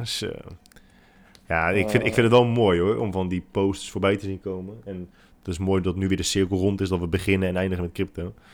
Maar dat van die mensen, gewoon van die, van die, ja, gewoon mooie mensen die dan opeens een harde schijf vinden uit 2014, waar dan 600 bitcoin op staan. Laatst Ja. was er ook weer een gozer op Twitter, die had dus iets gevonden. Als harde schijf gevonden, zei hij, ja zo, ik heb net 92 bitcoin gevonden op mijn harde schijf. En ik zie dat ze dit en dit bedrag hebben. Maar ik heb er een beetje over gelezen. Ik eh, wacht nog maar even met verkopen. Dan denk ik, oh, je weet het echt. Ik heb er een beetje over gelezen. Je bent multimiljonair in één keer. Ja, Ik gun het hem wel. Hè. ja, ik vind het ook wel mooi. Maar wat, eh, wat zou je dan doen? Wat zou je doen als je nu een harde schijf met 600 bitcoin vindt? Ik zou heel veel weggeven. Want dat is wel echt het mooiste, denk ik, van, eh, van rijk zijn. Dat je ook heel veel rijkdom kan weggeven.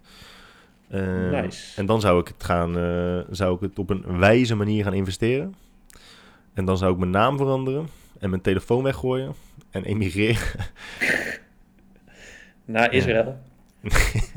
naar Israël Centrum. En, Ja, ik zou, en, ik zou, en ik zou elke dag een pen en oude podcast opnemen. Ja, dat is wel top, ja. Ja, bouw jij dan die studio? Ja, dude, ik heb, ik heb echt heel vaak... Nou, niet heel vaak. Ik heb soms denk van... Ja, maar heb ik dan niet echt toevallig in 2013 een keer ergens bitcoin gekocht of gekregen of zo? Ja, nee, nee, dat, is echt toch niet, dat is echt niet zo. Dat is echt een hele rare vorm van paranoia. Een soort van tegenovergestelde paranoia. Ja. Is Maar weet je, nog, weet je nog dat je er voor het eerst van hoorde?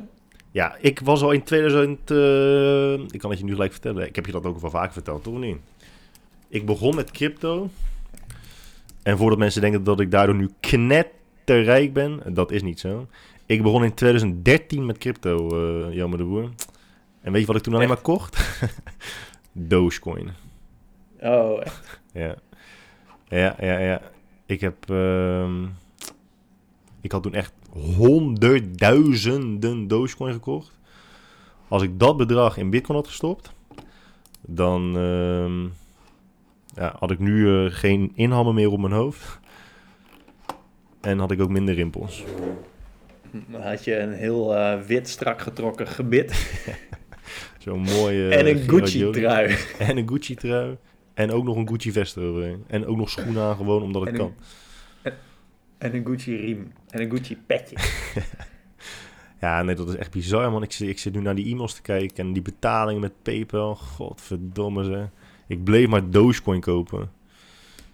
Oh mijn god, hier bijvoorbeeld op, op 29 december 2013 kocht ik voor 50, 100, 150, 200, 250 euro aan Dogecoin kocht ik toen.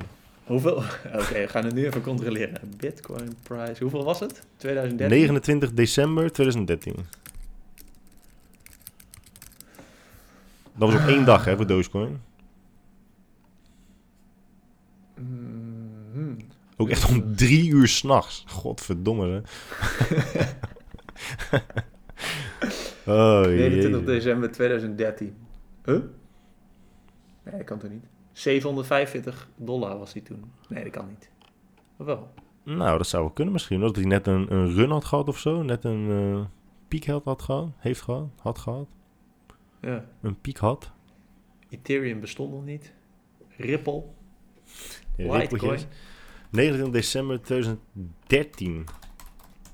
Ja. Ja, dat zou wel kunnen, ja. Dogecoin. Nou, die waren niet veel waard.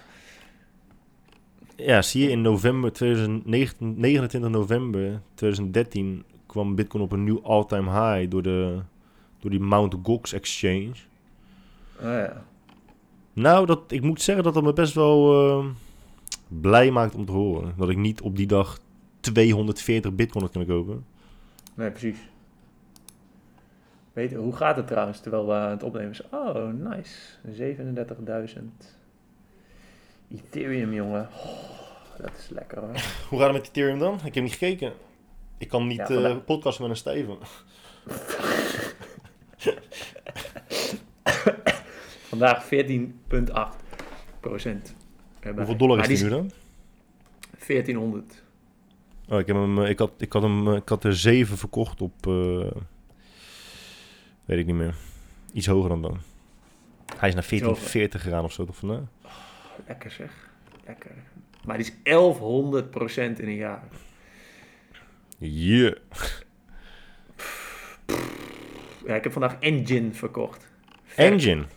Ja. Mijn god, ik zat in de ICO daarvan. Ja? Ja. Oh, nice. Ik heb, dat, ik, had, ik heb dat ook al vier jaar. Maar, eh, Heb ik je het met winst nu, eh? Of met ja. 99% win, verlies? Nee, nee, nee, nee, wel met winst. Maar ik heb er gewoon bitcoin van gekocht. Dus ik, Ik ben dus in een nieuwe, nieuw project ook gestapt. En die is de laatste week al 160% gestegen of zo. Eh, ja, ik zou je pen even pakken. Ja, Nee, is ook een, ook een gaming token. En dat is, eh, wordt gemaakt op de Polkadot eh, blockchain. Ja het is beter, beter dan Ethereum, hè? Ja, het is, maar het is ook nieuw. En ja, weet je, we kunnen eindeloos lullen over welke technologie beter is. Maar uiteindelijk bepaalt dat niet eh, de waarde van de token. Eh, maar het project heet Exceed Me. E Oh, ja, E-X-E-E-D-M-E. ja, ja. Zit ik ook al de hele tijd naar te kijken, maar dat kun je niet op een Binance kopen, toch? De ticker is XED. Je kunt het op Uniswap kopen. Ja. Maar als je op Uniswap gaat, dan eh, moet je wel bereid zijn om, om eh, heel veel eh, transactiekosten te betalen. Soms is het echt gewoon 90 dollar transactiekosten. Dat je echt denkt, ja, waarom is dat? Ik hoor daar wel meer mensen over. ja, dan is het, het netwerk is dan zo overvol, gewoon overbelast. En dan gaan, eh, de- de- het is gewoon overbieden. Mensen willen steeds sneller hun transactie er doorheen jagen. En dat kan, maar dan moet je dus de bereidheid hebben om meer transactiekosten te betalen. Ja, dus als je, dat, als je er even 250 euro in wil gooien, dan is het gewoon kut. Dat is, ja, dat is helemaal kut. Dat is helemaal kut. En je hebt dus en je hebt bijvoorbeeld eh, gedecentraliseerde exchanges, zoals eh, vroeger had je bijvoorbeeld Ether Delta. Daar moest je dus invullen, oké, dit is wat ik wil kopen aan bijvoorbeeld Ethereum in dollarwaarde en dit is wat ik wil betalen aan transactiekosten. En dat mensen die twee door elkaar haalden.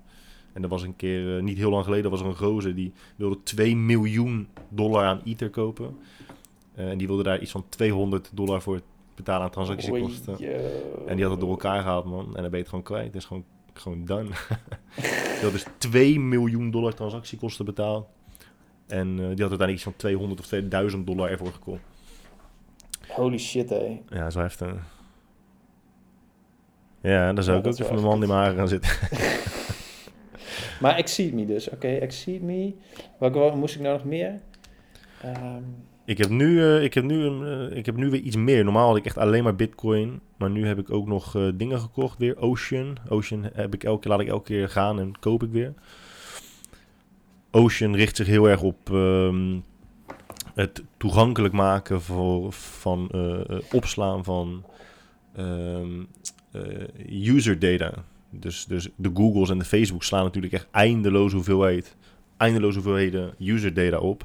Maar Hmm. de huistuin- en keuken eh, eh, bedrijf, bedrijven die kunnen dat niet, die kunnen niet de servers, de servers kopen, of die willen dat niet, om al die data op te slaan. En zij doen dat met, met iets met, met, met de blockchain. Ik weet, ik weet het ook niet precies, maar het zag wel interessant uit. Klinkt Gewoon- goed. De whitepaper zag er goed uit. De Leuk website team. zag er goed uit, CEO eh, zag er goed uit, al in. C- CEO was van, was van Ethereum. dus dat is goed.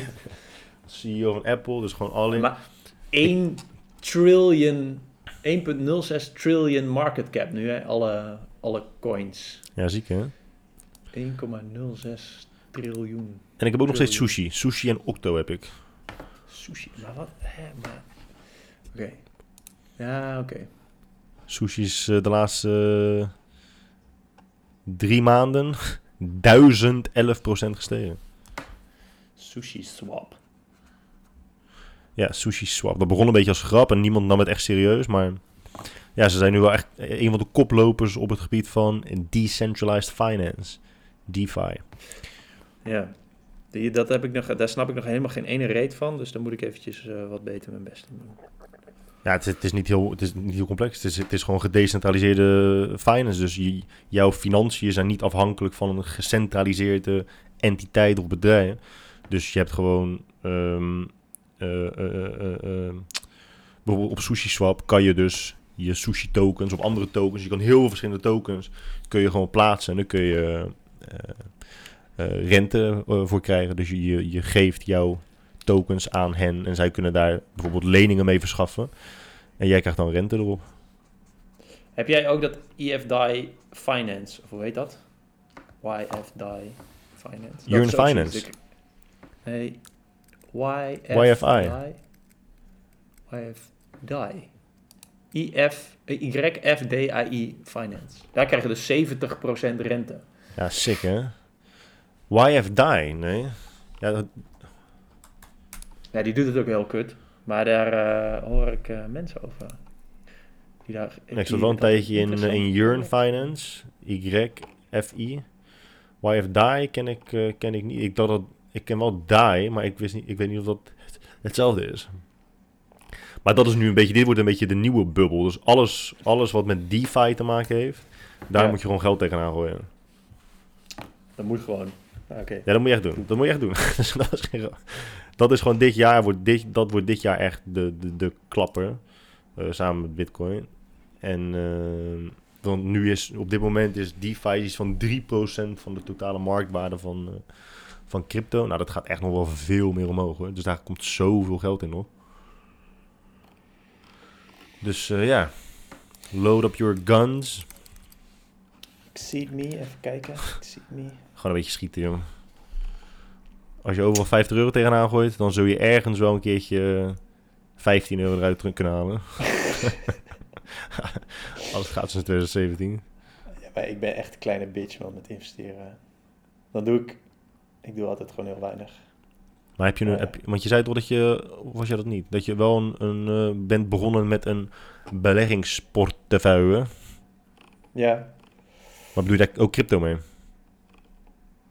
Nee, nee, nee, dat bedoel ik niet crypto mee. Ik heb ook gewoon aandelen en eh, zo'n eh, zo'n index tracker. Maar ik vind crypto Sell gewoon, it. veel, leuk, veel leuker. En eh, ja, ik denk dat ik daar eh, meer aan heb. Want waarom hou je dan nog jouw normale aandelenportfolio? Ja, weet ik eigenlijk niet. Ik zat er gisteren over na te denken. Want eerder wilde ik, eerder eh, eh, twee jaar geleden of drie jaar geleden dacht ik, ja, het moet ongeveer 10 tot 15 procent moet crypto zijn. Maar dat, dat is inmiddels wel meer. En dat moet ook wel meer zijn van, van wat ik, eh, van mijn spaargeld en van mijn investeringen en zo. Weet je Dus hoeveel ja, het ik zijn? weet niet. 99% Heb jij geen aandelen? Ik heb geen aandelen. Ik had in 2017 had ik nog aandelen. En dat heb ik allemaal verkocht voor crypto. Ja, ik heb ook bijna geen normaal geld meer. Ja, ik, eh, eerder was het, eh, ja, wat ik zei, een paar jaar geleden was het eh, echt heel risicovol om geen fi- Fiat meer te hebben. Maar ja, ik, ik hoor nu steeds meer mensen die dat gewoon niet meer hebben. Ja, om, om een brood te kunnen kopen bij de Albert Heijn. Ja, je kan nu zelfs een... Ik heb ook die, die Binance Visa-kaart, hè. Daar kan je gewoon met je crypto over betalen. Waar ze, waar ze Visa accepteren.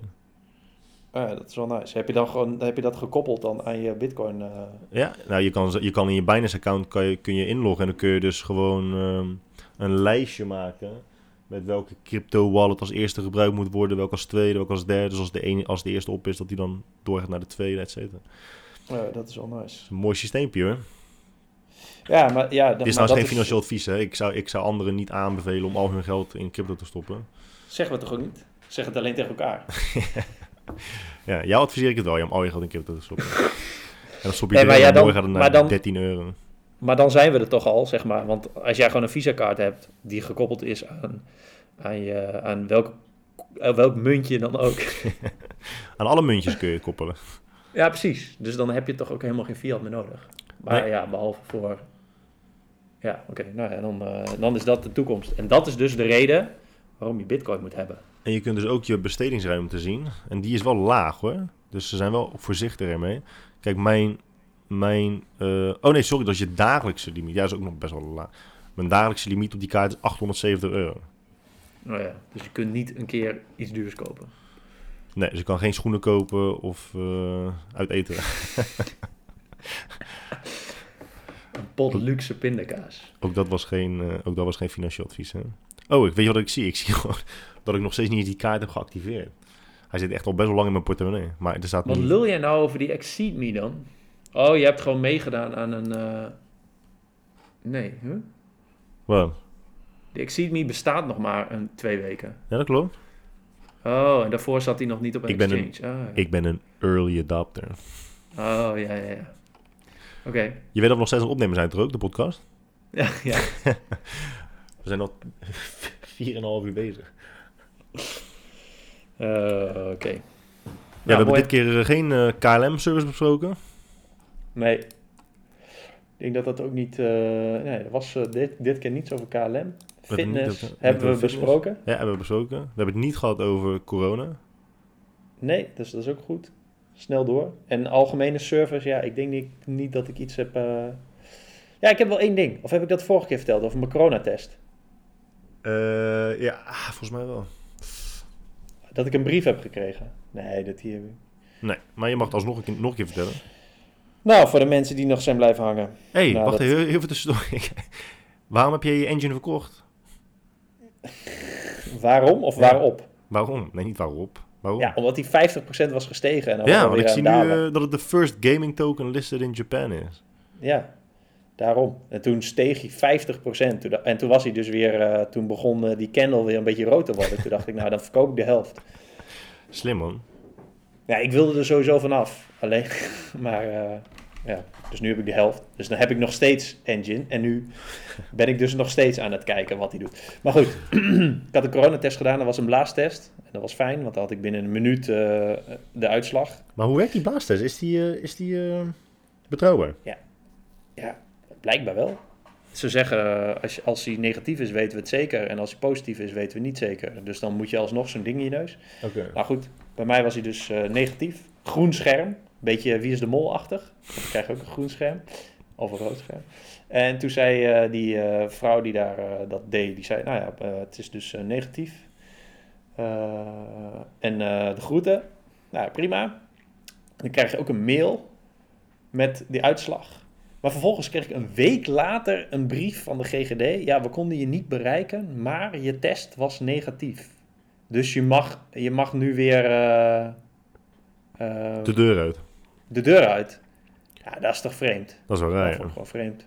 Dacht, Maar- ik dacht, dat, is, dat gaat... Maar het zou nog vreemder zijn als je nog helemaal geen uitslag had gehad, hoor. En dat dit pas het eerste bericht was dat je er zou krijgen. Nou ja, in, in het hoofd van de GGD hebben ze mij nog niet kunnen vertellen dat, wat mijn uitslag was. Dus daarom hebben ze mij een brief gestuurd. Dat is wel raar. Nou, en, vond vond het is de grappig. sneltest, toch? Het is toch een sneltestvariant? Of niet? Ja, ja. Dus het Dat is een sneltest. Ik had al, het werd al gezegd tegen mij daar. Ik heb al een bericht gehad met dat hele online eh, omgeving op coronatest.nl. Dan heb ik alsnog een brief. Ja, vond ik mooi. Dacht ik nice. En nu ik jou toch spreek, toevallig, eh, ook corona gerelateerd. Want na de, laatste, eh, na de laatste persconferentie was er dus een nieuwsbericht waarin stond dat je nu vanuit Zuid-Afrika verplicht een PCR-test moest gaan doen. Maar dat was toch al? Ja. Jij moest het toch ook verplicht doen? Maar ze, Ja. ze brachten dat alsof het, alsof, het nieuw, alsof het iets nieuws was. En toen dacht ik, mijn vriend Jelmer heeft dat al lang gedaan. Ja, Ja, klopt. Maar, vol- maar volgens mij was het extra nu dat je een eh, sneltest moest doen, ook voordat je ging vliegen. Ehm, op, op de luchthaven in Zuid-Afrika. Maar ik snap niet helemaal hoe de Nederlandse overheid dat dan kan forceren op alle luchthavens van de landen van waaruit zij dat eisen. Want ik heb nog nooit ergens een sneltest gezien op een luchthaven. in Dubai echt zijn ze dat nu aan het doen. Oh, dat is wel nice. En Qatar in de, in de golfstaat. Ja. Kunnen we niet binnenkort even naar Dubai? Dan nemen we de podcast op in Dubai. Ja, dat hoeveel, wel. hoeveel donaties hebben we? Dat kan wel. Dan kunnen we in een Ibi- Ibis hotel slapen. Want, is dat het chill hotel? Nee, want dat is, eh, dat is een goedkoop hotel. Omdat we zo weinig donaties hebben gehad natuurlijk. Oh, ja, met Hilton. Dan kunnen we daar- kunnen we daar voor Dan heb je daar- 12,50 Je hebt daar 20 Hiltons. Waarvan Oh, de ja? goedkoopste iets van 25 piek is. Dus ja, dat is Echt? top, man. Dat is wel goedkoop, hè? Dirham of eh, euro's? Nee, euro's. Oh. Kijk, hè? Ja. Oké, man. dus de volg- volgende vanuit Dubai. Zou mooi zijn als het echt doen, hè? ja, Al die, eh, al die Hollandse vluchtelingenhaters, maar dan wel eh, de ellende hier willen... Heb ik al gezegd vorige keer, hè? Volgens mij. Ja, weet niet of je dat hebt gezegd, maar het is wel mooi. Oké, ehm, ja, dat was hem dan, denk ik, hè? Ja, Ja, dit was hem wel. ja. Dit was hem. Ik hoop dat mensen nu ook ziek bullish zijn. Ik denk dat we ze wel echt lekker bullish hebben gemaakt, ja. Wat ben je nou aan het opschrijven? Ziek bullish. bullish. Ehm, moeten we ook eventjes een... eh, ja, we moeten, mensen moeten, gaan dus nu massaal crypto kopen. Want dat hadden ze nog steeds niet gedaan. Maar wat is de beste affiliate link dan? De beste Zeker affiliate jou- link is die ene in mijn, eh, is, op mijn Instagram profiel. Omdat de meeste luisteraars komen eh, via mij, luisteren voor mij, sturen mails naar oké. mij. dus, dus de affiliate link op Guys Instagram. Nee, ze kunnen ook de affiliate link gebruiken op, eh op. Oh ja, tuurlijk. Die staat er natuurlijk al Ja. op pnr.nl. Dat, dat is even een zo'n out-of-the-box idee eh, die ik heb hoor. Eh, koop bij Coinbase, ja. Hier. Maar dan vraag je zoveel aan mensen. Hè. Je, je vraagt aan mensen om een account aan te maken bij Coinbase. Om ook nog eens 100 dollar aan crypto te kopen. De meeste mensen die beginnen met crypto kopen voor 50 euro of zo. Of 25 euro. Eh, 50 euro kan bij eh Swissborg. Ik zal het linkje even toevoegen. Maar je betaalt echt iets van 25% commissie of zo door bij, eh, bij Coinbase of niet? Ja, Coinbase eh, is... eh, nee, ja, ik weet niet hoeveel procent. Is toch een vast bedrag? Niet. Nee, volgens mij wel heel veel. is echt heel hoog hoor. Oké, ik zal die Swissborg even Dan toevoegen. koop je voor 50 euro aan, aan bitcoin en dan krijg je voor 8 euro krijg je bitcoin. Jongen, raad dat nou niet af. Nee, ik raad het, ik raad het ook aan. Er zit alleen een kanttekening. eh, Mensen aan. moeten gewoon het linkje gebruiken in, de, in, de, in het Instagram-account van Guy laagstreepje droog. En dan... eh, gruwelijk veel volgers hebben. Ja. Verlies jij nog steeds heel veel volgers op Instagram? Eh, Zeker, maar ik heb al een tijdje weer geen Instagram. Ben even ben de, mijn prikkelingen aan het, m- mijn zintuigelijke prik- prikkelingen aan het verwijderen. Emotionele prikkelingen. Slim. Ehm, ja, nee, dat gaat gewoon, eh, gaat gewoon bergafwaarts. Gewoon standaard. Ik denk, ik denk iedere keer, soms post ik iets. Ik denk, ja shit, ik kan beter niks posten. Want dan iedere keer is het weer bevestiging van mensen. Oh ja, Jelme de Boer, die moet ik nog ontvolgen. En dan hup.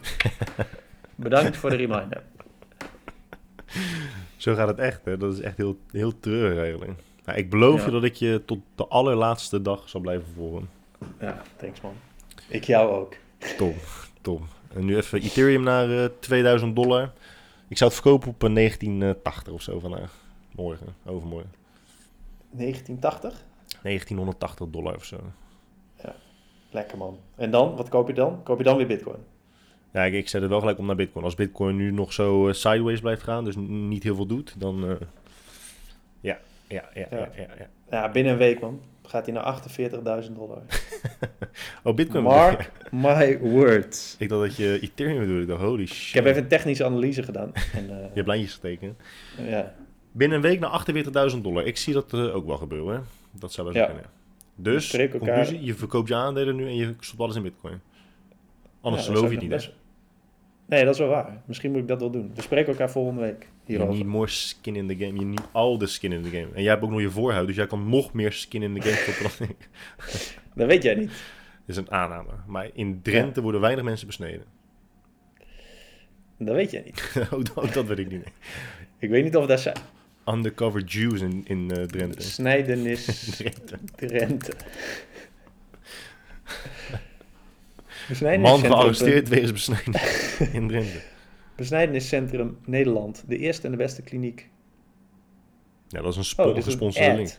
Ja, ik wil het zeggen. Noord. Besnijden- Besnijdeniscentrum. Zo, dat had ik moeten starten. Ambassadeurs tegen besnijdenis. RTV Drenthe. Nou ja, daar heb je. Ja, heb je dat geloof ik wel, ja. Oké, oké. Nou, eh dat was volgende week, jongen. Ja, oké. Yo. Yo.